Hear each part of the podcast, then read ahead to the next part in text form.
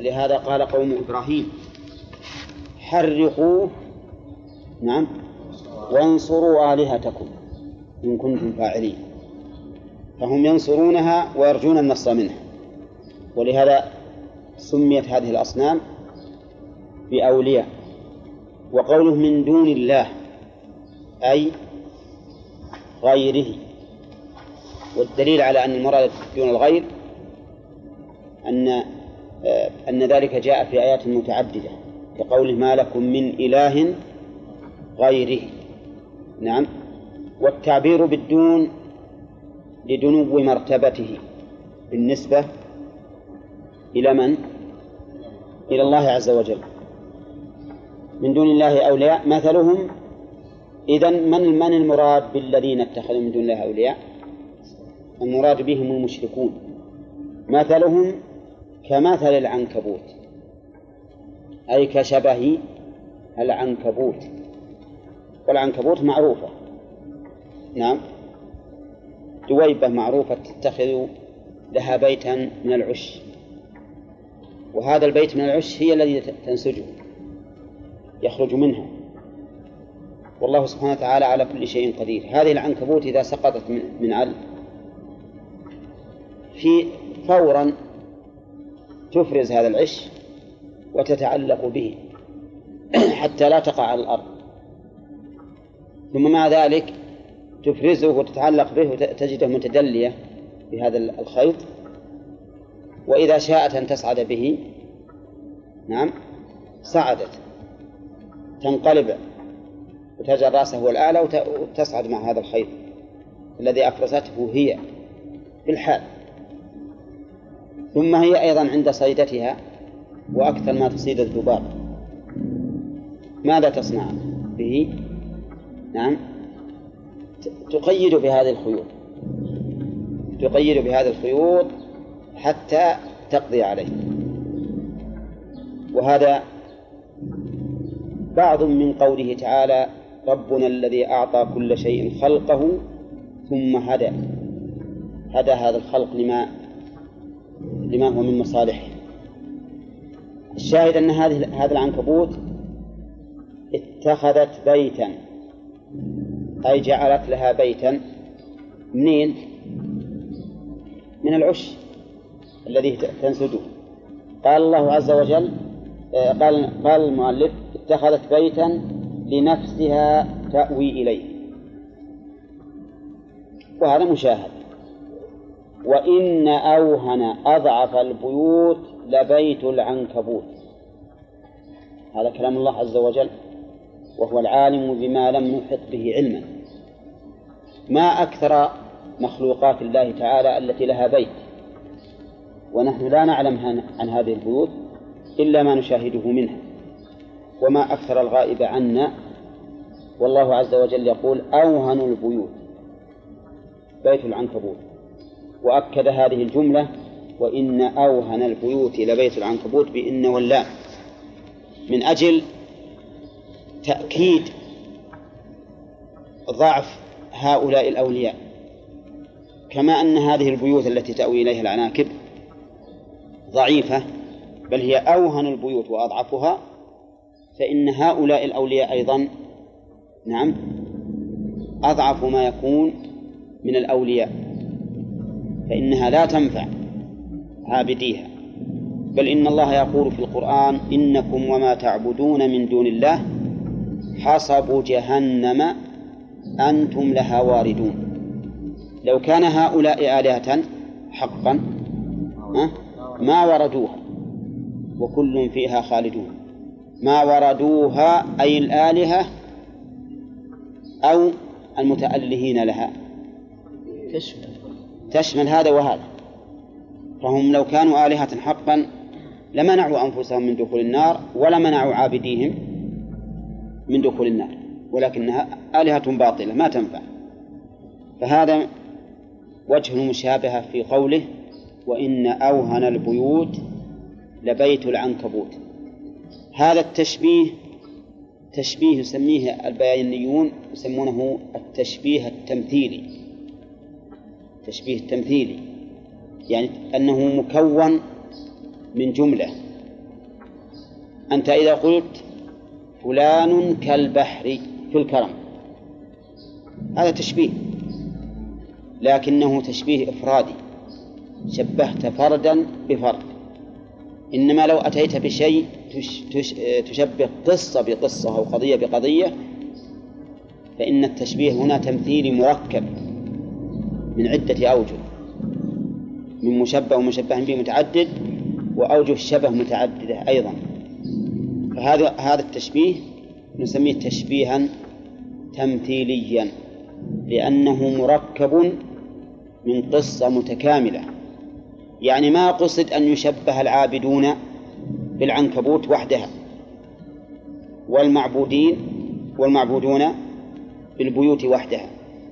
قصد أن تشبه القضية كاملة بالقضية كاملة حتى تتضح الصورة أمام المخاطب. قوله وإن أوهن البيوت لبيت العنكبوت قال المؤلف في بيان هذا الوهن لا يدفع عنها حرا ولا بردا. إي نعم لا يدفع الحر ولا البرد ولا يقيها أيضا من الآفات كأن يسقط عليها شيء أو نحو ذلك. هذا البيت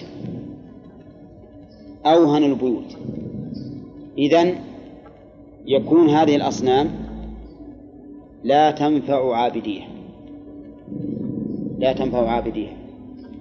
فعلى هذا نقول إن هؤلاء الذين عبدوا هذه الأصنام ما لجأوا إلى ملجأ نافع بل إلى ملجأ ليس بنافع. ولا مانع ولا دافع. ولهذا شبه شبه الله ذلك ببيت عنكبوت وفي آية أخرى شبه هذه الأصنام ودعاءها برجل باسط كفيه إلى الماء ليبلغ فاه. هل يبلغه؟ إنسان أمامه الماء وهو عطشان فبسط كفيه إلى إلى الماء هكذا. يريد أن يصل إلى إلى الفم. يمكن يصل؟ لا يمكن أن يصل أبدا. فهذه أيضا الأصنام لا تنفع عابديها كما لا يصل هذا الماء إلى فم هذا العطشان. قال الله عز وجل لو كانوا يعلمون ذلك ما عبدوها. لو هذه شرطية وفعل الشرط قوله كان وجوابه مقدر على كلام المؤلف إيش تقديره؟ ما عبدوها ولا ينبغي أن توصل هذه الجملة بالتي قبلها لأنك لو وصلتها بما قبلها لكان وهن بيت العنكبوت مشروطا بعلمهم مع أنه أوهنوا البيوت سواء علموا أم لم يعلموا. ولهذا ينبغي أن نقف أن نقف على قوله لبيت العنكبوت ثم نقول لو كانوا يعلمون. لو كانوا يعلمون المؤلف يقول ما عبدوها. ويحتمل أن يكون الجواب لو كانوا يعلمون أي لو كانوا من ذوي العلم النافع ما خفي عليهم هذا الأمر. فإذا لم يخف عليهم هذا الأمر لم يقوموا بالعبادة. وعلى كل حال فإن هذا يدل على جهل هؤلاء العابدين مهما بلغوا من الذكاء ومن حسن التصرف في الدنيا فإنهم من هذه الناحية سفهاء. سفهاء ليس عندهم علم ولا عقل. هذه الآية تذكرنا بآية يغلط فيها كثير من الناس أيضا في سورة التكاثر. كلا لو تعلمون علم اليقين. بعض الناس يصل ويقول كلا لو تعلمون علم اليقين لترون الجحيم. وهذا خطأ لأن المعنى يفسد به فسادا واضحا. لأنك لو وصلت لكأن لترون جواب جواب لو تعلمون. والأمر ليس كذلك. بل لترون جملة مستأنفة مستقلة. أخبر الله تعالى فيها أن أن أننا سنرى الجحيم. فيجب الوقوف على قوله كلا لو تعلمون علم اليقين. نعم. نعم. لو قال قائل إن العنكبوت تنتفع من بيتها بنسبة ما نعم. كما هو الواقع. والأصنام عباد الأصنام لا ينتفعون بها قطعا نعم حنا هذا صحيح. قد يرد علينا. لكن المقصود إن هذه الأصنام مثل هذا البيت. مثل هذا البيت لأنه لا ينفع. هم الآن ينتفعون بهذه الأصنام نوعا من الانتفاع لا سيما الانتفاع المادي. فإن الوافدين إليها لعبادتها والتبرك بها يحصل فيه منفعة مادية. لكنها النفع الحقيقي الذي هم يرجون وهو الدفع ما ينفعهم. هنا نعم. ما يقال ما يلزم يشبه الشيء الشيء ولا لا هو المقصود بالتشبيه هنا عدم الانتفاع.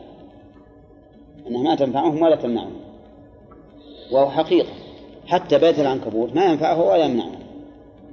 يأتيها الهواء ويأتيها البرد ويأتيها المطر نعم ويعلق به التراب ولا تنتفع به الانتفاع الكامل. تصطياد. ها؟ تصطاد به. تص... لا ما تصطاد به. تصطاد ب... بالعش اللي يخرج منها. هذه الخيوط هي اللي تصطاد بها. أما نفس ال- البيت ما تصطاد به لكن هذا الذي نراه عليه هي التي جاءت به تأتي به وتضع فيه. قال تعالى إن الله يعلم ما يدعون من دونه من شيء وهو السميع وهو العزيز الحكيم. إن الله يعلم ما ما يقول المؤلف بمعنى الذي. يعني فتكون اسما موصولا. تكون اسما موصولا. وهذا الإعراب الذي سلكه المؤلف هو المتبادر من الآية. وبعض المعربين يقول ما استفهامية. ما استفهامية. والوقف على قوله إن الله يعلم. ما ما الذي يدعون من دونه من شيء؟ هل يستفيدون؟ ولكن هذا بعيد من من اللفظ. فما أعربه فإعراب المؤلف هو الصواب. يعلم ما يدعون من دونه. يبقى على إعراب المؤلف أن نقول أين العائد؟ عائد الموصول. فالجواب وين؟ من دون الجملة كلها من دون ما يدعون من دونه. ألها هذه تعود على الله؟ ما هي تعود على من؟ محذوف. محذوف. وهذا مضطرب. حذف العائد المنصوب مضطرب. فيقول التقدير إن الله يعلم ما يدعونه من شيء. وقوله يدعون قال يعبدون. فالدعاء هنا دعاء عبادة. الدعاء دعاء عبادة. وكما يكون الدعاء دعاء عبادة فهو دعاء مسألة. ما تبي هذه ها؟ إيه. آه، دعاء مسألة ودعاء عبادة أما دعاء المسألة ففي قوله تعالى وإذا سألك عبادي عني فإني قريب أجيب دعوة الداعي إذا دعا إنك تقول يا رب اغفر لي يا رب ارحمني وما أشبه ذلك دعاء العبادة وش معناه؟ أن تتعبد لله سبحانه وتعالى بما أمرك به وإنما كان ذلك دعاء لأن حقيقة حال العابد ما هي؟ طلب مغفرة الله ورحمته فهو في الحقيقة داع ضمنا ودليله قوله تعالى وقال ربكم ادعوني أستجب لكم إن الذين يستكبرون عن عبادتي سيدخلون جهنم داخرين. وقوله ما يدعون يعبدون.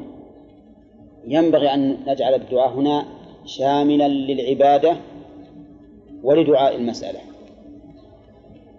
هم يدعون هذه الأصنام دعاء مسألة ولا لا؟ نسأله ها؟ يدعونهم يدعون هذه الأصنام دعاء مسألة أيضا. يسألونها. وشاهد ظاهر في هذا أولئك الذين يشركون بالأنبياء والأولياء فإنهم يدعونهم دعاء مسألة.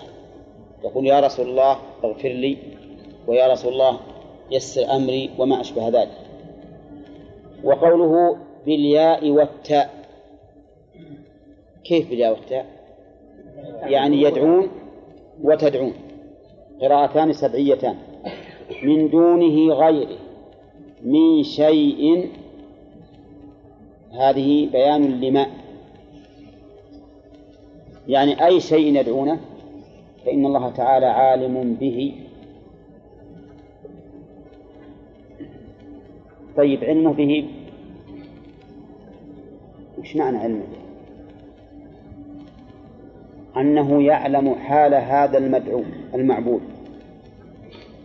وهي كالتعليل لقوله مثل الذين اتخذوا من دون الله أولياء كمثل العنكبوت. تؤيد أن هذا المثل مطابق للواقع لأنه صادر مش عن عن علم. إن الله يعلم. فإنه لما ذكر أنهم كالعنكبوت بين أن هذا عن علم من الله. إن الله يعلم ما يدعون من دونه من شيء وأن هذا الشيء الذي يدعى لا ينفع. وقوله وهو العزيز في ملكه الحكيم في صنعه. لو قال قائل إن المناسب أن يقال وهو السميع العليم. لأنه لأنه يقول يعلم فمقتضى الظاهر أن تختم الآية بالعلم. قلنا هذا حق بالنسبة بالنسبة لظاهر الكلام لكن عند التأمل تجد أن ختامه بالعزة والحكمة أبلغ. فإنهم يريدون الاستنصار بهذه الأصنام والغلبة والظهور. وأكبر شاهد لذلك قول أبي سفيان يوم أحد حيث قال أعلو هبل. هذه الأصنام واعتزازهم بها مقابل بعزة من لا يغلب وهو الله. ولهذا قال وهو العزيز الغالب لهذه الأصنام ولعابدي هذه الأصنام. واضح؟ العزيز إذا مناسبة العزيز أبلغ من مناسبة العليم لأن هؤلاء يستنصرون بأصنامهم ويريدون أن تظهر وتغلب فبين الله أنه هو صاحب العزة. وسبق لنا أن العزيز من أسماء الله عز وجل. وأنه يتضمن العزة من ثلاثة وجوه.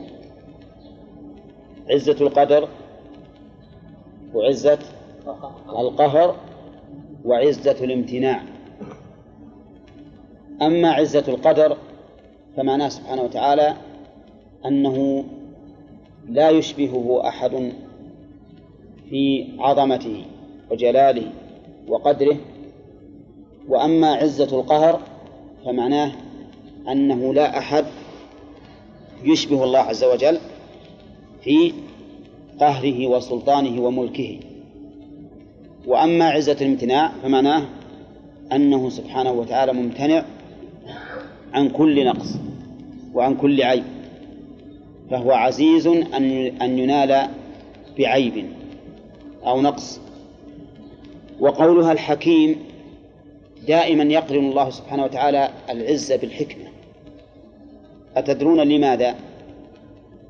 لأن بعض الأعزاء من الخلق تحملهم العزة على التهور وعدم التثبت وعدم تنزيل الأشياء منازلها.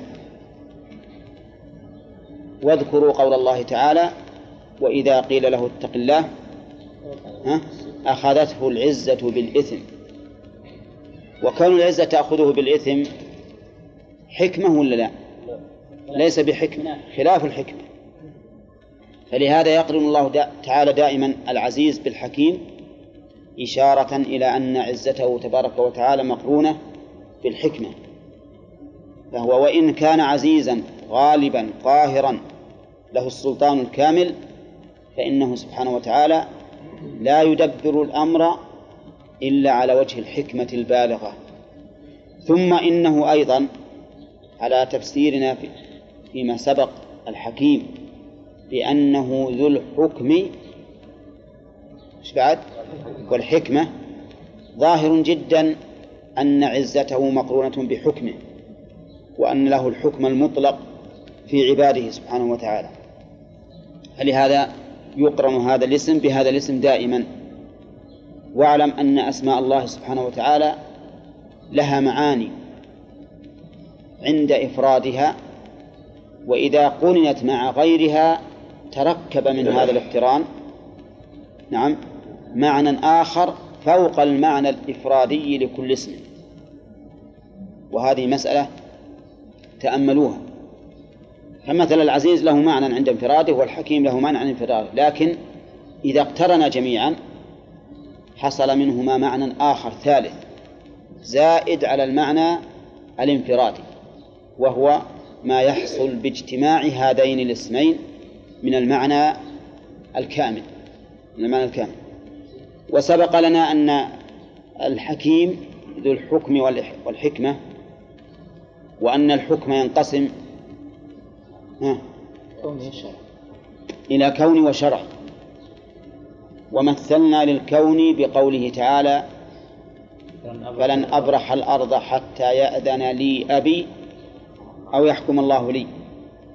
وللشرع بقوله تعالى ذلكم في سورة الممتحنة ذلكم حكم الله يحكم بينكم.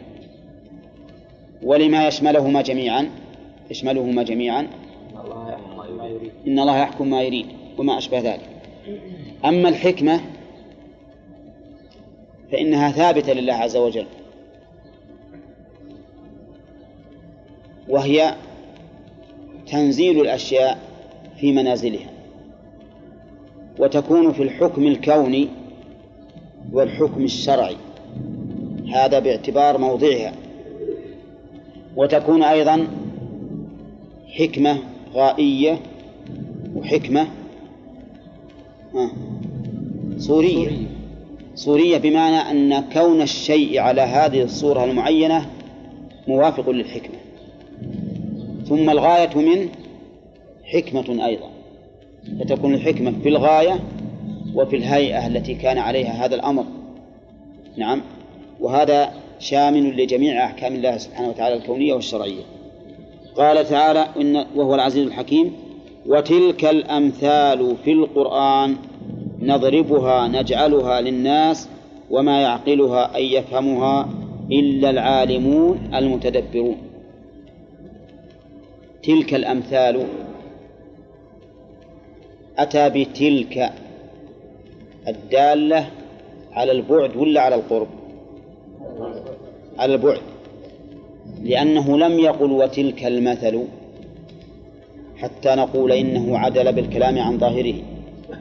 أو عن مقتضى سياقه. لأن المثل المضروب الآن قريب ولا بعيد؟ قريب. لكن قال تلك الأمثال. والأمثال الأخرى غير مثل متخذين الأصنام بعيدة بالنسبة لهذا المكان. إي نعم. لأنها متوزعة في القرآن. فلهذا جاءت الآية بتلك الأمثال. ولم يقل هذا المثل فهو شامل لكل الأمثال الواردة في القرآن. والأمثال الواردة في القرآن كثيرة متعددة. وقد ألف فيها بعض أهل العلم الكتب المستقلة. وأفردها السيوطي في الإتقان بفصل فصل مستقل. وبين فوائد الأمثال التي يضرب المثل من أجلها. والفائدة الملموسة منها القريبة جدا هو تقريب المعقول إلى الأذهان. إذ أن المثل هو ضرب شيء معقول قد يبعد على الإنسان تصوره بشيء محسوس يسهل تصوره. قال تلك الأمثال نضربها للناس. إذا قلت ضرب ذلك مثلا المعنى جعله ضرب لكم مثلا من أنفسكم أي جعل لكم. فالضرب إذا يأتي بمعنى الجعل إذا أضيف إلى المثل. كلما وجدت ضرب الله مثلا وما أشبهه فاعلم أن المراد به المراد بالضرب هنا الجعل. فمادة ضرب ليست خاصة بالضرب الذي هو الضرب باليد. تشمل الضرب بمعنى الجعل وتشمل الضرب بمعنى تحويل النقود من سكة إلى سكة.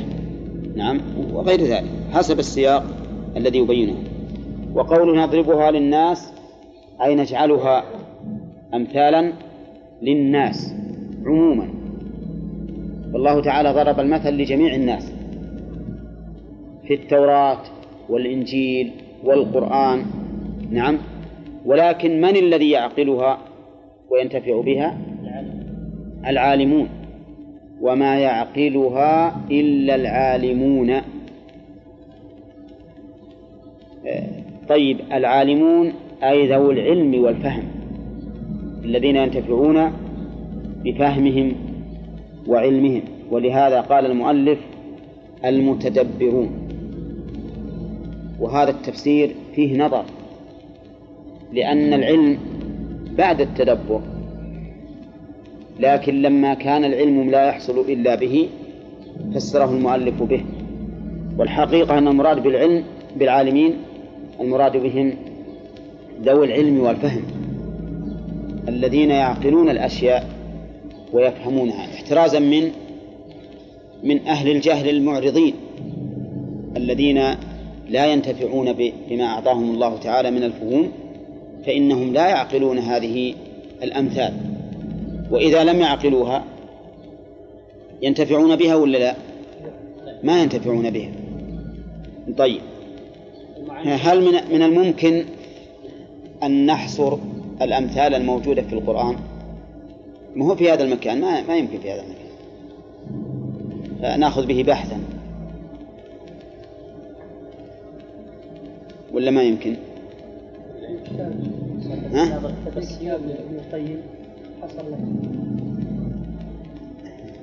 إيه أنا لا أريد منكم إن أنكم تنقلون من الكتاب. أولا إنسان هذا بينكم وبين الله.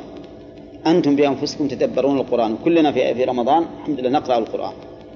كل ما مر على الإنسان مثل يقيده. ثم بعد ما يقيد هذه الأمثال يشوف عاد يرجع إلى الكتب المؤلفة. هل نقص؟ ولا ما نقص؟ ولا معلوم ان إن أنا ما ودي إنك علمت الأخوان. لكن ان, إن الإنسان يستطيع إنه يروح لأي كتاب مؤلف في هذا وينقله. لكن نقرأ كتاب ابن القيم بس ما نجيب من ها؟ نقرأ بس يقرانا يساعدنا. لكن ما نجيب لا أنا أرى إن الإنسان أول يبدأ هو بنفسه. يبدأ في القرآن يقيد الأمثال ثم بعد ذلك يرجع إلى الكتاب ما في مانع. قال تعالى وما يعقلها إلا العالمون. طيب إذن عمم في ضرب المثل. عمم في ضرب المثل وخصص في عقل المثل.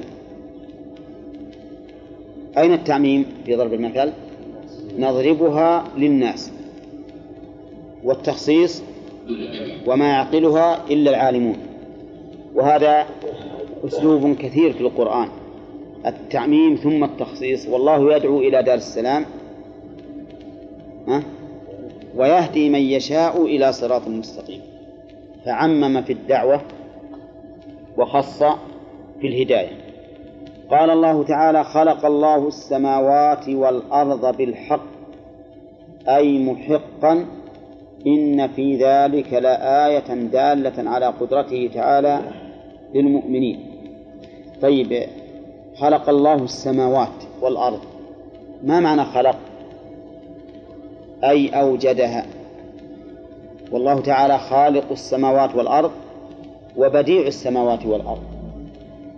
قال أهل العلم بديع بمعنى مبدع. والإبداع إيجاد الشيء على غير مثال سبق. ومنه الأرض ومنه البئر البدع. التي حفرت الآن جديدا. فالبدء فالخلق أعم من البدء لكن قد بين الله عز وجل في آيات أخرى أنه خالق وبديع. فهو الذي أوجد السماوات والأرض وهو بديع السماوات والأرض. نعم. وقول خلق السماوات والأرض يعني بما فيهما نعم, نعم بما فيهما والذي فيهما بالنسبة لبني آدم منهما. وكذلك النبات. فإن الإنسان خلق من طين من الأرض. والنبات أيضا من الأرض كما هو ظاهر. وقوله بالحق قال المؤلف أي محقا. فالجار والمجرور في موضع نصب على الحال من فاعل خلق. نعم. أي محقا. ويجوز أن يكون حالا قصد مفعولا من أجله. يعني بمعنى المفعول من أجله. أي خلقها للحق. كما قال تعالى وما خلقنا السماوات والأرض وما بينهما باطلا. وإنما هي حق. وتفسير المؤلف يؤيده قوله تعالى وما خلقنا السماوات والأرض وما بينهما لاعبين. فإذا لم يكن لاعبا سبحانه وتعالى كان محقا. كان محقا. وقوله إن في ذلك لآية. في ذلك المشار إليه الخلق فيشمل كل ما تطور من خلق السماوات والأرض فإنه آية فنفس السماوات والأرض خلقهما آية دالة على الله لأن آية الشيء ما كان دالا عليه دون غيره. هنا السماوات والأرض دالة على الله لأنه لا أحد يستطيع أن يخلق مثل هذه السماوات والأرض. أليس كذلك؟ إذن فهي آية له. فما فما فوجود هذه السماوات والأرض دال على القدرة وما فيهما من الانتظام وعدم الاضطراب والتناقض دال على الحكمة. دال على الحكمة. ولو تأملت أشياء كثيرة من حوادث السماوات والأرض لوجدت كل واحد منها يدل على القدرة. طبعا وعلى العلم ألا يعلم من خلق وهو اللطيف الخبير؟ وعلى الحكمة. وله أيضا دلالة خاصة على ما يدل عليه بنفسه. وهذا شيء تأمل يظهر لك آيات كثيرة. لآية للمؤمنين. يقول دالة على قدرة الله. فقط؟ ها؟ لا على على قدرة الله وعلى علمه وعلى حكمته وعلى رحمته وعلى قوته. نعم. وكل حوادث السماوات والأرض كل شيء منها يدل على تلك الصفة الخاصة به. وقوله للمؤمنين قال المؤلف خصوا بالذكر لأنهم المنتفعون بها في الإيمان بخلاف الكافرين. صحيح. الآيات الكونية لا ينتفع بها إلا المؤمن. والكافر ما ينتفع. الكافر يقول هذه طبيعة. هذه طبيعة تدبر بنفسها وتنتقم من الناس بنفسها وتجلب الخير للناس بنفسها ولا ينتفع. والمؤمن ينتفع بذلك.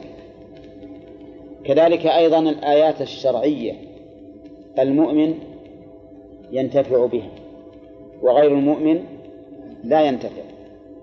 وإذا ما أنزلت سورة فمنهم من يقول أيكم زادته هذه إيمانا. فأما الذين آمنوا فزادتهم إيمانا وهم يستبشرون.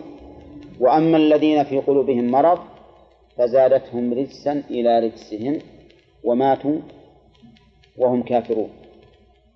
فالآيات إذن الآيات الكونية والشرعية ما تنفع إلا المؤمن. فإذا قال قائل المؤمن مؤمن كيف ينتفع؟ قلنا نعم ينتفع بأي شيء؟ بزيادة الإيمان. أما الذين آمنوا فزادتهم إيمانا. وزيادة الإيمان لا شك أنه انتفاع نفع عظيم. لأن الإيمان إما أن يزيد وإما أن ينقص وإما أن يبقى على ما هو عليه. والأخير هذا قد يكون نادرا. قد يكون نادرا أن يكون الإيمان لا يزيد ولا ينقص. فهو إما زي... إما في زيادة وإما في نقصان. هذا في الغالب الغالب الكثير. على أن التقسيم الحاصل هذا أنا أشك في وجود القسم الثالث منه وهو أن يكون لا يزيد ولا ينقص. لأن عدم زيادة الإيمان يؤدي إلى نقصه. إذ أن الإيمان يزيد بالطاعة كما هو مفهوم للجميع إذا فقدت الطاعة حصل النقص. إنما القسمة العقلية هو أن يكون إما زائد أو ناقص أو باق على حاله. وتصور أو أو وقوع القسم الثالث الله أعلم به. قال آه، إن في ذلك لآية للمؤمنين أتل ما أوحي إليك من الكتاب وأقم الصلاة. نعم.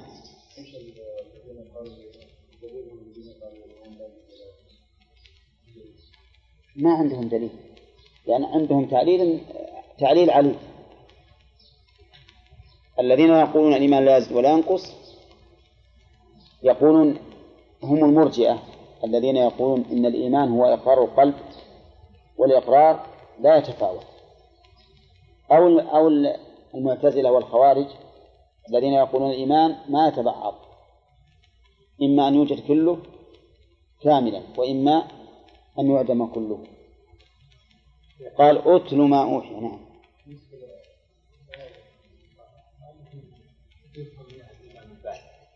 حيث أن الآية خلق السماوات نعم. إي نعم الفوائد تبي تجي إن شاء الله. إحنا الآن نبي نشرح فقط يعني نفسر فقط. ولا فيها إثبات البعض نعم. إي. ما ترجع للخلق بالحق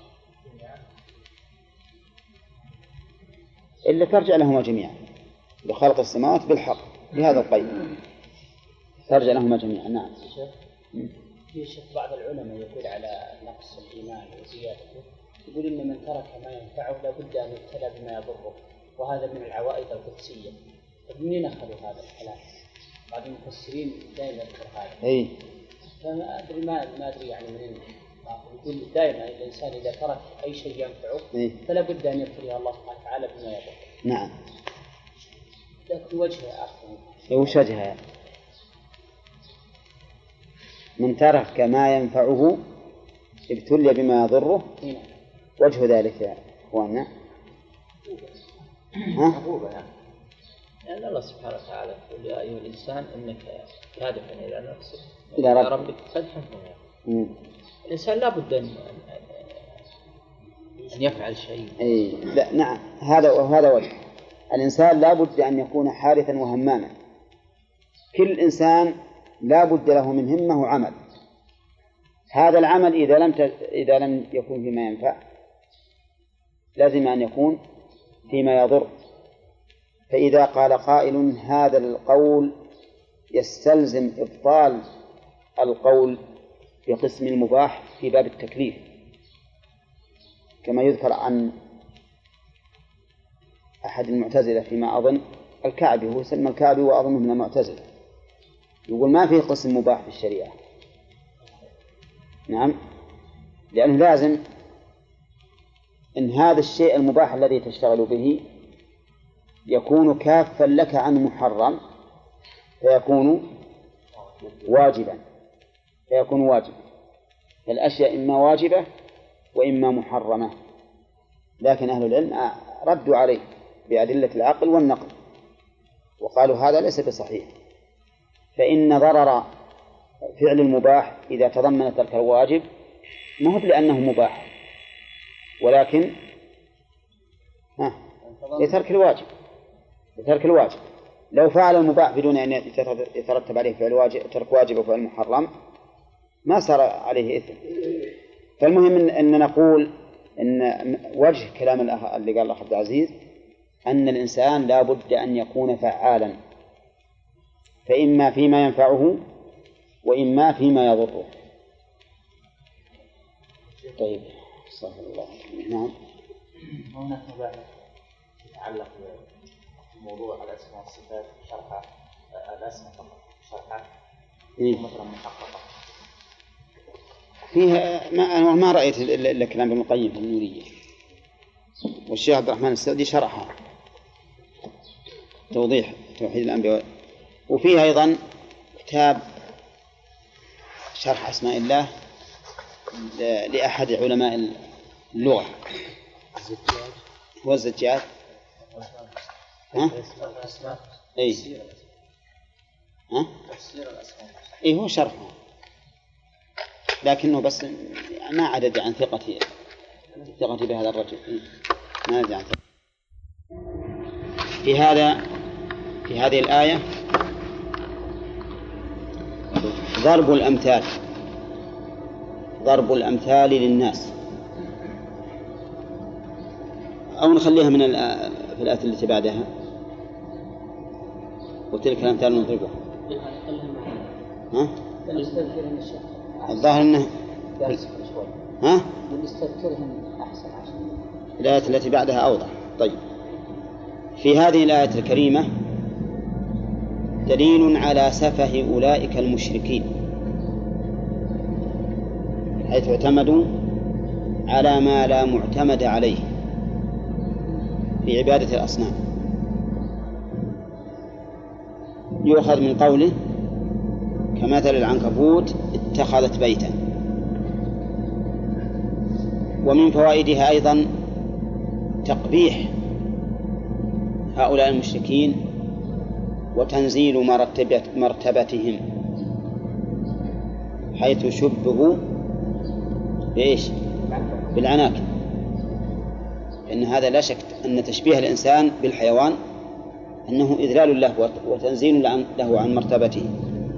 لأن الله تعالى يقول ولقد كرمنا بني آدم وحملناهم في البر والبحر وفضلناهم ورزقناهم من الطيبات وفضلناهم على كثير من خلقنا تفضيلا. ومن فوائد الآية أن هذه الأصنام لا تنفع عابديها أبدا. لا تنفعهم ولا تدفع عنهم. فهي لا تجلب الخير ولا تدفع الضرر. من أين أخذ؟ حيث شبهت ببيت العنكبوت. ومنها جواز ضرب المثل بالدون. حسب ما تقتضيه الحال. منين ناخذه؟ لا كمثل العنكبوت. كمثل العنكبوت فإنها من أدنى ما يكون من المخلوقات. نعم. وقد قال الله تعالى في سورة البقرة إن الله لا يستحي أن يضرب مثلا ما بعوضة فما فوقها وقد ضرب الله المثل بالذباب وبالحمار وبالكلب وبالبعوضة وبالعنكبوت. نعم. كل هذا حسب ما يقتضيه المقام حسب ما يقتضيه المقام. ومن فوائد الآية أن أوهن البيوت وأضعفها بيت العناكب.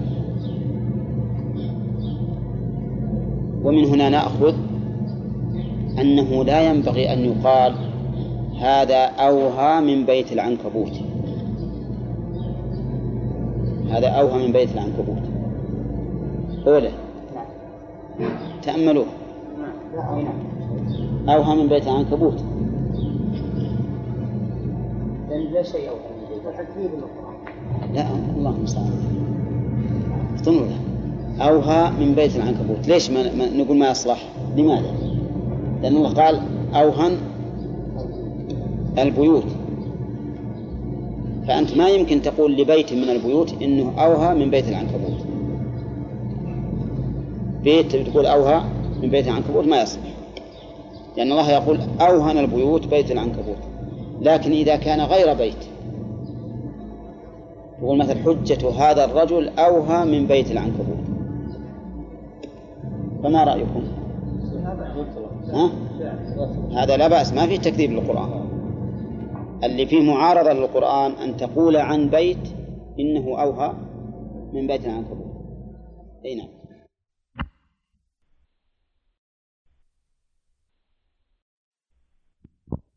سبيل الهداية. ولكن لاحظوا ما المراد بالعلم؟ الذي هو سبيل الهداية هو هل هو العلم بطبائع الأشياء؟ وما خلق الله في الكون أو العلم بالله عز وجل. العلم بالله وآياته الكونية والشرعية. وليس مجرد أن يطلع الإنسان على ما في هذا الكون لأنه قد يطلع ولا ينتفع. ومن هنا نأخذ خطأ خطأ كثير من الناس الذين يقولون في قوله تعالى إنما يخشى الله من عباده العلماء أنهم العلماء في الكون لو كان الأمر كذلك لكان أصحاب علوم الفلك وطبقات الأرض الجيولوجيا وغيرها هم الذين يخشون الله. وأصحاب العلم بشريعة الله دونهم في الخشية وهذا محال. ثم قال الله سبحانه وتعالى خلق الله السماوات والأرض بالحق إن في ذلك لآية للمؤمنين. يستفاد من هذه الآية الكريمة أن الخالق للسماوات والأرض هو الله. ويتفرع على هذه الفائدة. إيه. طيب. قال إن الله يعلم ما يدعون من دونه من شيء وهو العزيز الحكيم. في هذه هذه الآية فيها أن الله لم يحكم على هؤلاء المشركين بمشابهتهم للعنكبوت إلا عن علم. فالآية كالتعليل لما قبلها يعني أنه سبحانه وتعالى ما قال كمثل العنكبوت إلا عن علم. هو يعلم هذه الأصنام وأنها لا تنفع ولا فائدة منها. ومنها إثبات العلم لله فيما يتعلق بالخلق. إثبات علم الله تعالى فيما يتعلق بالخلق. فيكون فيه رد على من؟ على غلاة القدرية. الذين قالوا إن الله لا يعلم الأشياء المتعلقة بالخلق إلا بعد وقوعها. نعوذ بالله. لكن هؤلاء الغلاة يقول شيخ الإسلام في وقته إنهم كانوا قليلين إنهم قلوا لأنهم رأوا أن إنكارهم العلم نداء على أنفسهم بالكفر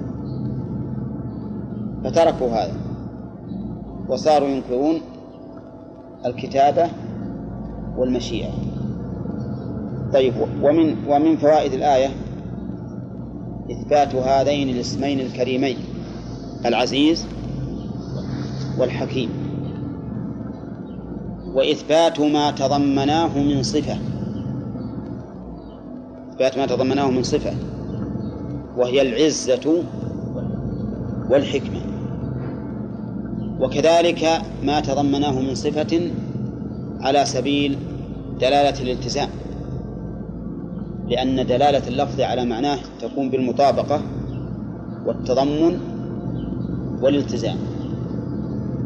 فما يستلزم هذا فما فما يستلزمه هذا هذان الوصفان من الصفات فإنه ثابت.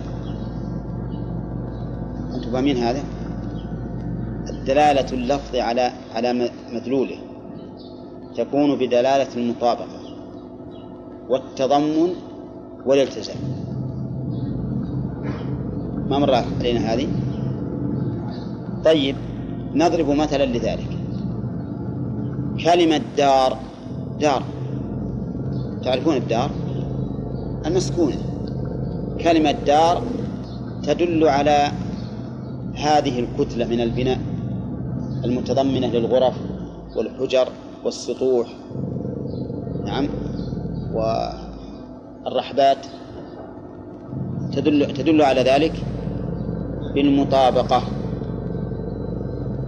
بمجرد ما أقول كلمة دار تفهم أن دار فيها حجر وغرف وأسطحة نعم ورحبات.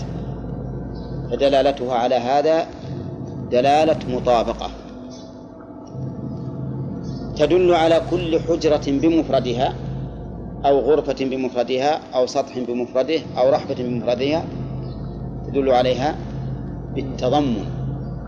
التضمن يعني أنها متضمنة لكذا وكذا. واضح؟ تدل على أن لها بان أن لها بانيا. تدل على أن لها بانيا بإيش؟ بالالتزام. لأنه ما تقوم الدار إلا بباني. هذا معنى قولهم إن الدلالة مطابقة وتضمن والتزام. فمثلا العزة العزيز يدل على العزة دلالة مطابقة. من لازم العزة أن يكون العزيز عالما قادرا قويا. دلالة على هذه هذه المعاني بدليل بالالتزام. بالالتزام. ودلالة العزيز على الذات والصفة دلالة مطابقة. وعلى الذات وحدها أو الصفة وحدها. دلالة تضمن أي. لا. يعني العزيز اسم. اسم. فهو دلالة دلالته على على الذات وحدها أو الصفة وحدها دلالة تضمن وعليهما جميعا دلالة مطابقة. وعلى ما يترتب ما يستلزم ما تستلزمه العزة من العلم والقدرة والقوة وما أشبه ذلك. التزام. طيب ولهذا اسم الحي القيوم تضمن جميع الصفات. هذان الاسمان تضمنا جميع الصفات. لأن الحي مستلزم لجميع صفات الكمال والقيوم مستلزم لجميع صفات السلطان والملك والتدبير وما إلى ذلك. ولهذا ورد في الحديث أنهما اسم الله الأعظم. طيب. آه العزيز الحكيم قلنا فيها إثبات العزة والحكيم فيها إثبات الحكم والحكمة. الحكم والحكمة. نعم. و وفي الجمع بينهما يظهر صفة ثالثة وهي أن عزة الله مقرونة بالحكمة ليست كعزة العزيز غيره فإنها قد تكون خالية من الحكمة. طيب.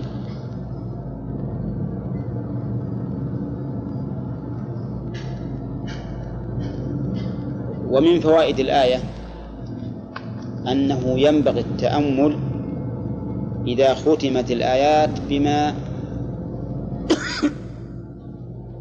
بما يكون مخالفا لظاهر الحال. يعني فلا تردها. إذا وجدت آية مختومة بخلاف ما يقتضيه ظاهر الحال أو السياق فتأمل فيها فإن الخطأ منك. إن تعذبهم فإنهم عبادك وإن تغفر لهم فإنك أنت العزيز الحكيم. مقتضى ظاهر السياق أن يقول فإنك أنت الغفور الرحيم. لكن عدل عنه. لا تقل إن هذا خلل. أبدا الخلل منك أنت. فإن هذا كلام الله عز وجل ما فيه خلل. نعم؟ فآياته الكونية ما ليس فيها خلل وآياته الشرعية كذلك. فيجب أن تتأمل وتوقف. هنا في الآية التي معنا قد يتبادر للإنسان أن تختم بالعلم. ولكن عند التأمل يكون ختمها بالعزة. والحكمة أولى. ثم قال تعالى خلق الله السماوات والأرض بالحق إن في ذلك لآية للمؤمنين. فيها ها؟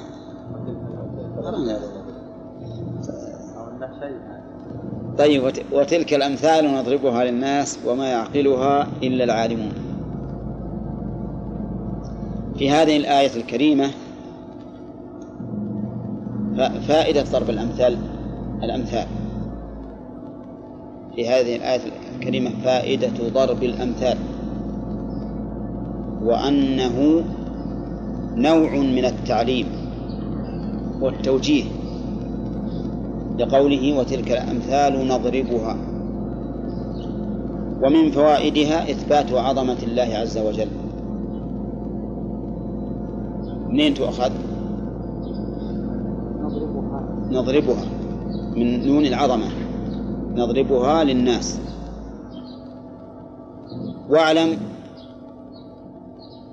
إن كنت لا تعلم من قبل أن ما أضافه الله تعالى إلى نفسه بلفظ العظمة فإنه يدل على عظمة نفسه سبحانه وتعالى وقد يراد به ملائكته.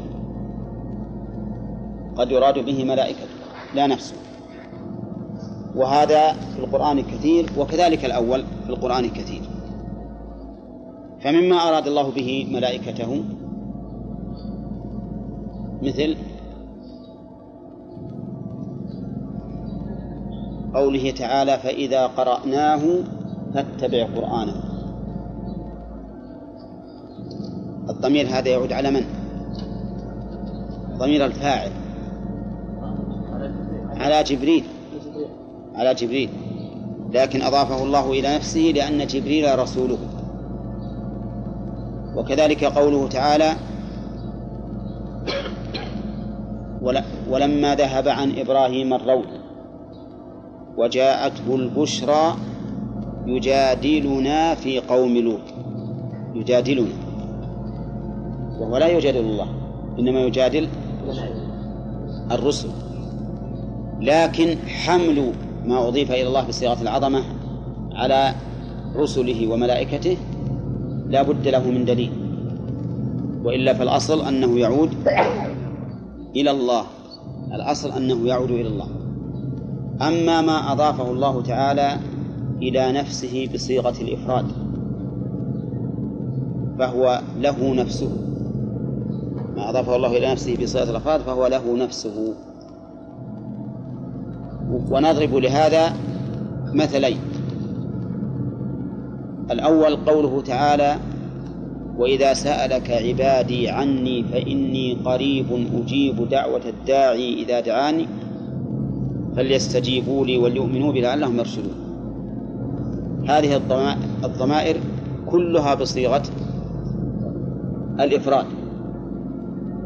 فعلى هذا يكون قوله تعالى فإني قريب المراد قربه نفسه من داعيه.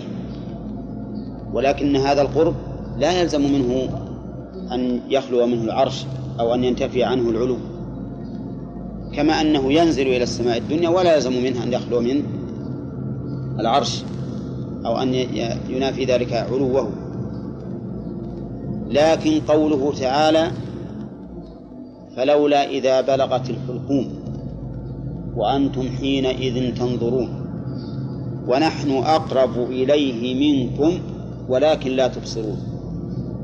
فإن أقرب فيها ضمير يعود على نحن. ونحن الضمير لمن؟ الضمير لله. لكنه أقرب إلى إليه من منا بملائكته.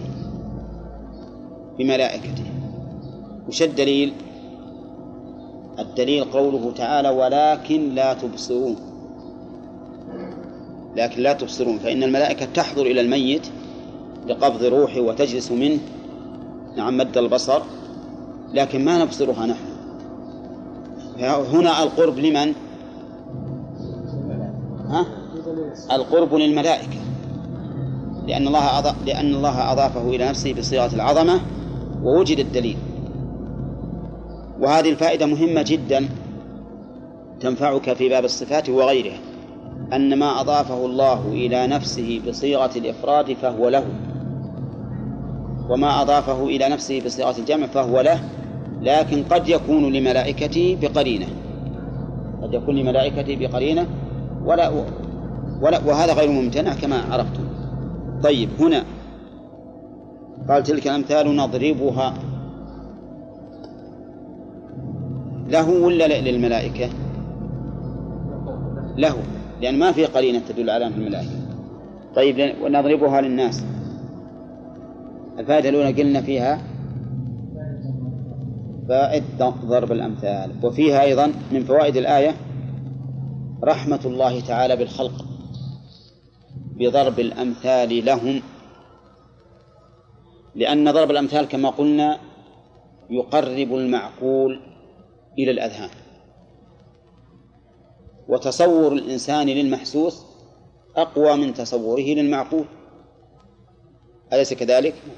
الآن لو أشرح لكم صفة الحج. شرحا بينا ظاهرا وافيا. أو أذهب بكم إلى الحج إلى المناسك. أيهن أبلغ. الأخير أبلغ. لأنكم تحسونه بأعينكم. لكن الأول تتصورونه بقلوبكم. فلا تدركونه جيدا. فإذا ضرب الأمثال فيه رحمة للخلق حيث أنه سبحانه وتعالى يقرب لنا المعقولات بالمحسوسات. نعم. ومن فوائد الآية أنه ينبغي التأمل في الأمثال. لقوله وما يعقلها إلا العالمون. فالعالم هو اللي يتأمل وينظر حتى يعقل. ومن فوائد الآية الثناء على العقل. بقوله وما يعقلها والمراد بالعقل هنا عقل الإدراك أو عقل الرشد. عقل الرشد. نعم. العقل الذي ينفع هو الذي يثنى عليه. ومنها أيضا فضيلة العلم بقوله وما يعقلها إلا العالمون. فاللي غير عالم في الله سبحانه وتعالى وآياته ما يعقل هذه المعاني يقول هذه هذه أشياء ليس لها معنى لكن العالم هو الذي يعقلها ويعرف مغزاها ومعناها وأوجه الشبه بينها حتى يصل إلى درجة الكمال. قال الله تعالى خلق الله السماوات والأرض بالحق إن في ذلك لآية للمؤمنين. في هذه الآية فوائد. أولا أن أن خالق السماوات والأرض هو الله. أولى خلق الله السماوات. لأننا ما نعرف لو قال قائل ما في الآية حصر حتى تقولون إن الخالق هو الله. نقول نعم ما فيها حصر. بالطرق المعروفة لكن في حصر من حيث إنه لا يوجد إلا سماء سماوات وأرض واحدة. إذا كان الخالق لها هو الله انتفى أن يكون غيره خالقا لها نعم. ومنها الرد على أهل الطبيعة والعياذ بالله الذين يقولون إن السماوات والأرض ليس لها خالق. إنها أشياء تتفاعل وتتحول وتتقلب. نعم. وأن الخلق لا أول له ولا نهاية. ومنها إثبات حدوث السماوات والأرض وأنها ليست قديمة. منين نعته؟ خلق السماوات. فهي موجدة بعد العدم وكل ما سوى الله فهو موجود. بعد العدم. ومنها أن السماوات عدة. كم؟ نعم بينت في آية أخرى بسبع ومنها أيضا أن الأرض واحدة. المراد الجنس. طيب في القرآن ما جمعت الأرض أبدا. أولى لكنه أشير إلى جمعها في قوله تعالى الله الذي خلق سبع سماوات ومن الأرض مثلهن. المماثلة هنا في الوصف متعذرة. أولى لأنه ما في مقارنة بين السماوات والأرض. إذا تعذرت المماثلة في الوصف رجعنا إلى المماثلة في العدد في العدد. وقد جاءت السنة صريحة في ذلك مثل قوله صلى الله عليه وسلم طوقه من سبع أراضين طوقه من سبع أراضين نعم. ومن فوائد الآية أن هذه السماوات والأرض خلقها بالحق. ليس عبثا ولا لهوا ولا باطلا لقوله بالحق. ومنها أيضا أنها مشتملة على الحق. فخلقها أصل إيجادها بالحق وهي أيضا مشتملة على الحق. ما يمكن يحدث في السماوات والأرض شيء شيء إلا بحق. طيب من فوائدها أيضا اطمئنان الإنسان لما يحدثه الله في السماوات والأرض. أو بعث الاطمئنان. ما وجه ذلك يا غانم؟ ما وجه ذلك؟ هذا السؤال. السؤال أنا ذكرت الفائدة فما وجهها؟ الظاهر أنك أنت معتمد على بليك هذا. هل أنت سجل لك وتقرأه. لا ما طيب. ما وجه كونها تبعث على الاطمئنان؟ أنها بالحق. كل شيء يحدث ما دام عرفت أنه بالحق أطمئن. ما أقول ليش حدث وليش لم ما حدث. حدث على الناس جوع ومرض وزلازل وفيضانات. أعرف أن ذلك بالحق. فأطمئن وأرضى وأسلم. ولا راحة في الحقيقة للإنسان إلا بهذا. ما يمكن يستريح الإنسان إلا بهذا. إذا آمن بقضاء الله وقدره وأنه حق. وهو يطمئن تماما. وإلا فإن فإنه سيتكدر. لأنه ما من ساعة إلا ويجد فيها ما يسوءه إما في نفسه أو أهله أو صحبه أو بلده أو البلاد الإسلامية عامة. ولا يمكن أن الإنسان يطمئن ويستقر حتى يؤمن بأن هذه الأشياء كلها حق كلها حق. نعم. والمنازعة ها؟ منازعة الأقدار منازعة الأقدار بالشرع هذه واجبة. إي نعم. نعم. طيب في أيضا يعني تطمئن وتنازع. تنازع بالشرع. لا أنا قصدي ما هو بالقدر. الجمع بينهم يعني. إنه هذا الجنب بينه. نحن. مثلا إذا- جاء من القدر ما يسوءنا ننازعه بالشرع بالصبر. إذا صبرنا ما ساءنا ذلك. نعم. وهكذا منازعة الق- القدر بالشرع هذا شيء واجب. أن تقابل القدر بما يقتضيه الشرع. لكن منازعة القدر بالقدر هذا ما يجوز. هنا. أنت تجيب دائما كلمات صوفية ما أدري وش هذه صوفية يا شيخ لأننا نحضر عشان حاجة حقيقية أنا اللي خلاني أجيب هذا. أنا أنا ما ودي إنك جبتها هذه لأنها تحتاج إلى الح- بحث يمكن بعض الناس ينفر من كلمة منازعة. والمراد بالمنازعة المقابلة. أي نعم. طيب. آه، من فوائد الآية أن خلق السماوات والأرض آية دالة على ما يقتضيه هذا المخلوق من صفات الله عز وجل. وقد ذكرنا أن منه ما يقتضي الدلالة على قدرة الله والدلالة على حكمة الله والدلالة على عزته حسب ما تقتضيه الآية. ومنها أنه لا ينتفع بالآيات إلا من؟ إلا المؤمنين إلا المؤمنون. لقوله للمؤمنين. نستفيد من هذه الفائدة فائدة تتفرع أنه كلما كمل إيمان العبد ازداد انتفاعا بالآيات. كلما كمل ازداد انتفاعا بالآيات. هذه الفائدة الطريق إلى الحصول عليها هو ما سبق لنا غير مرة من أن الحكم إذا علق بوصف ازداد قوة بقوته وضعفا بضعفه.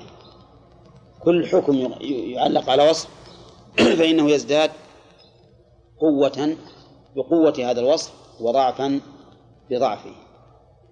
فنقول إذن كلما كان الإنسان أكمل إيمانا ظهر له من آيات الله في هذه المخلوقات ما لم يظهر لمن دونه. مفهوم هذا جماعة؟ طيب.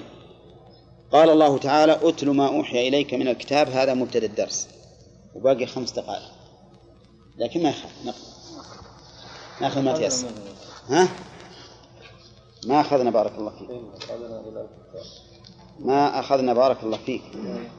اتل ما أوحي إليك من الكتاب. اتل يتضمن التلاوة اللفظية والتلاوة الحكمية. التلاوة اللفظية أن تقرأ القرآن والتلاوة الحكمية أن تأخذ بأحكامه وهي تلاوة الاتباع. من قولهم تلا فلان فلانا. إيش معنى تلاه؟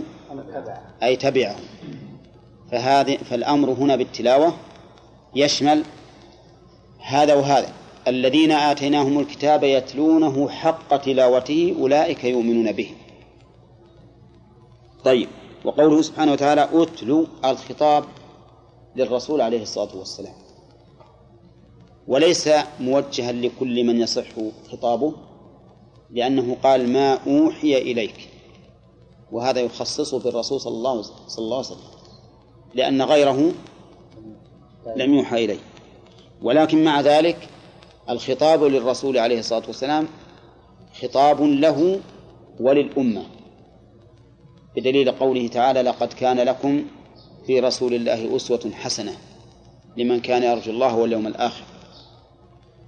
إلا ما قام الدليل على اختصاصه به. ما قام الدليل على اختصاصه به فإنه يؤخذ بالدليل كقوله تعالى وامرأة مؤمنة إن وهبت نفسها للنبي إن أراد النبي أن يستنكحها. لو لو وقفت الآية على هذا لكان يجوز للأمة أن تفعل؟ نعم لكن قال خالصة لك من دون المؤمنين. فدل هذا على أن الخطاب الموجه للرسول صلى الله عليه وسلم له ولأمته ما لم يوجد دليل على اختصاصه به. قال أتل ما أوحي إليك من الكتاب. ما اسم موصول يفيد العموم. وقوله أوحي إليك. الوحي في اللغة هو الإعلام بسرعة وخفاء. الإعلام بسرعة وخفاء يسمى وحي. يعني مثلا افرض إنك إنك بين قوم وتريد أن تعلم احدا بشيء. تقول مثلا كذا بيدك. اللي عندك ما يدرون عن هذا. لكن صاحبك يدري. هذا يعني ما أنت بتقول يا فلان قم لنذهب إلى فلان. هذا يسمى وحي؟ ها؟ لا. هذا ما هو وحي لأنه واضح ولا ولا, ولا فيه خفاء. لكن بسرعة وخفاء يسمى في اللغة وحي. الإعلام بسرعة وخفاء. أما في الشرع فهو إعلام الله سبحانه وتعالى بالشرع لأحد أنبيائه أو رسله. إعلام الله تعالى بالشرع لأحد أنبيائه أو رسله هذا الوحي شرعا. وهنا المراد إيش؟ الوحي شرعا.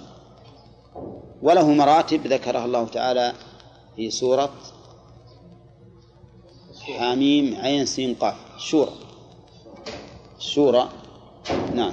قال ما أوحي إليك من الكتاب من هنا بيانية بيان لما؟ في قوله ما أوحي إليك. وقولها الكتاب المراد به القرآن. وسمي كتابا لأنه يكتب في المصاحف ولأنه مكتوب في اللوح المحفوظ ولأنه مكتوب في أيدي الملائكة. كلا إنها تذكرة فمن شاء ذكره في صحف مكرمة مرفوعة مطهرة بأيدي سفرة كرام بررة.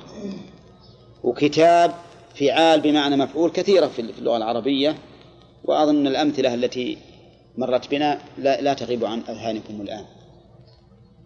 مثل فراش مفروش وغراس مغروس وبناء مبني. طيب. قال ما أوحي من الكتاب؟ وأقم الصلاة. أقم الصلاة. أي إيت بها على وجه الكمال. لأن إقامة الشيء جعله قويما. قويما. ليس فيه إعوجاج ولا نقص. وقوله أقم الصلاة الخطاب للرسول صلى الله عليه وسلم. ومعلوم أنه يقيم الصلاة وأنه أقوم المصلين صلاة. فكيف وجه إليه الخطاب بأقم الصلاة؟ قلنا توجيه الخطاب إلى من يتصف به المراد به الاستمرار عليه. مراد الاستمرار عليه لا تجديده لأنه موجود. لكن الاستمرار عليه. مثل قوله تعالى يا أيها الذين آمنوا آمنوا بالله. يا أيها الذين آمنوا آمنوا. الخطاب ليس عبثا حتى نقول إن هذا تحصيل حاصل. فالمؤمن مؤمن. نقول المراد إيش؟ الاستمرار على ذلك. الاستمرار على ذلك. فإذا وجه الخطاب أو الأمر لمن يتصف به فالمراد الاستمرار عليه. وقوله سبحانه وتعالى أقم الصلاة. قبل قليل قلنا أن التلاوة تشمل الاتباع والعمل بأحكامه. أليس إقامة الصلاة من اتباعه والعمل بأحكامه؟ بلى. إذا عطفها على قوله أتلو من باب عطف الخاص على العام. من باب عطف الخاص على العام. وعطف الخاص على العام هو إيذان برفعة شأنه. ولا شك أن الصلاة أفضل أعمال البدن. نعم الصلاة أفضل أعمال البدن. فلهذا خصت بذكرها. ثم إن عطف الخاص على العام هل معناه ذكره مرتين؟ أو معناه أنه أفرد بالذكر من بين العموم؟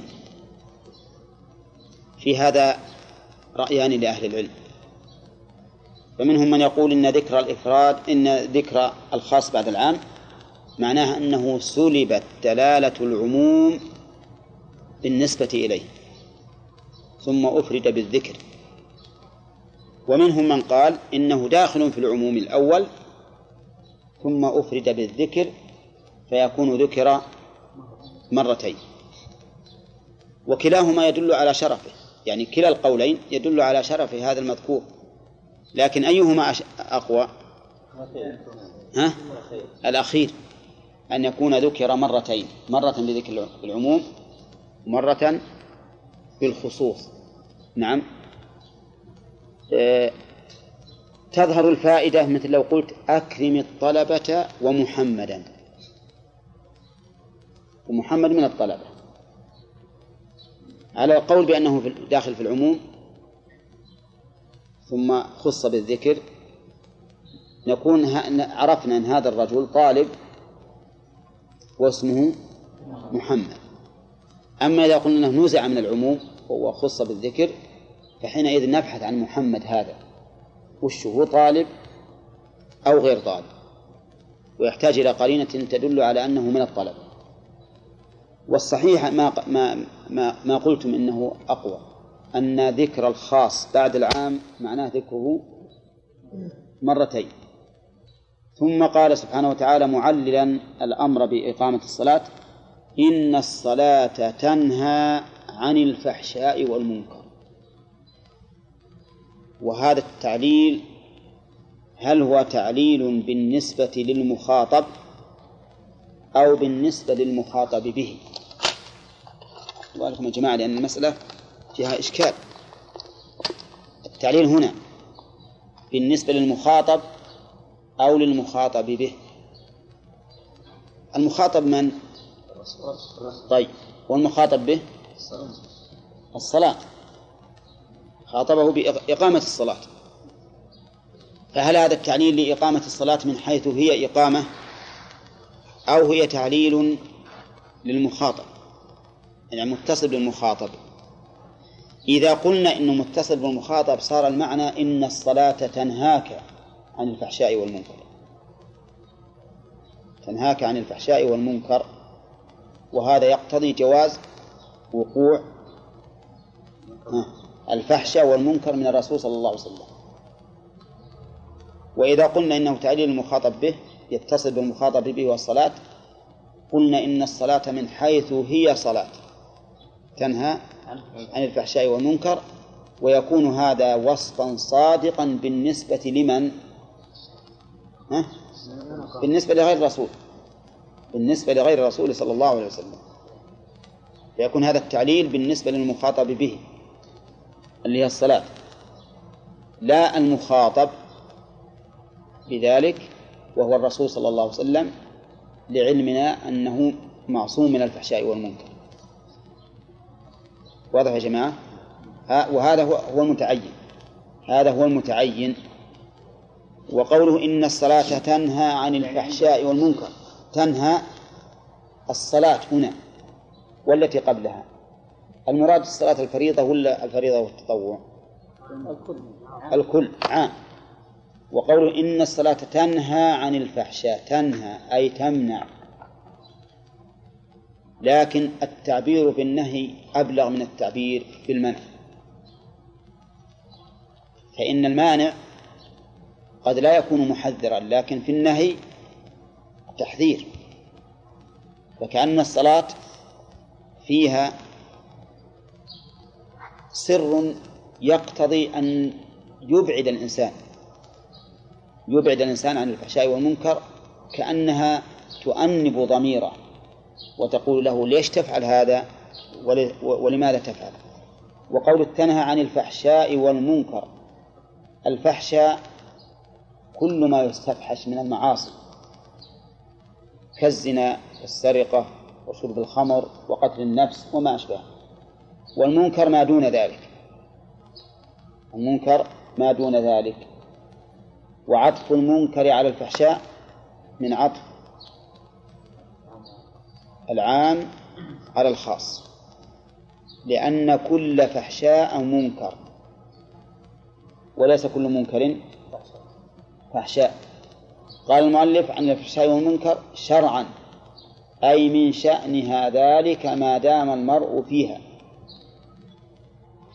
قوله أي من شأنها ذلك هذا صحيح. لكن ما دام المرء فيها ليس بصحيح. بل هي تنهى عن الفحشاء والمنكر ما دام فيها وما لم يدم فيها. يعني ليس نفعها هذا النفع خاصا بما إذا كان الإنسان متلبسا يصلي. اللي يصلي معلوم مو راح يفعل الفحش والمنكر لكن الفائدة العظيمة أنها تؤثر في قلبك ما يقتضي إبعادك عن الفحشاء والمنكر. وهذا هو, هو هذا هو هذا هو الثمرة والنتيجة. لا أن الثمرة والنتيجة أنك إذا كنت تصلي ما عدت تفعل الفحشاء والمنكر. فتقييد المؤلف في قول ما دام فيها فيه نظر وليس بصواب بل هي مطلقة.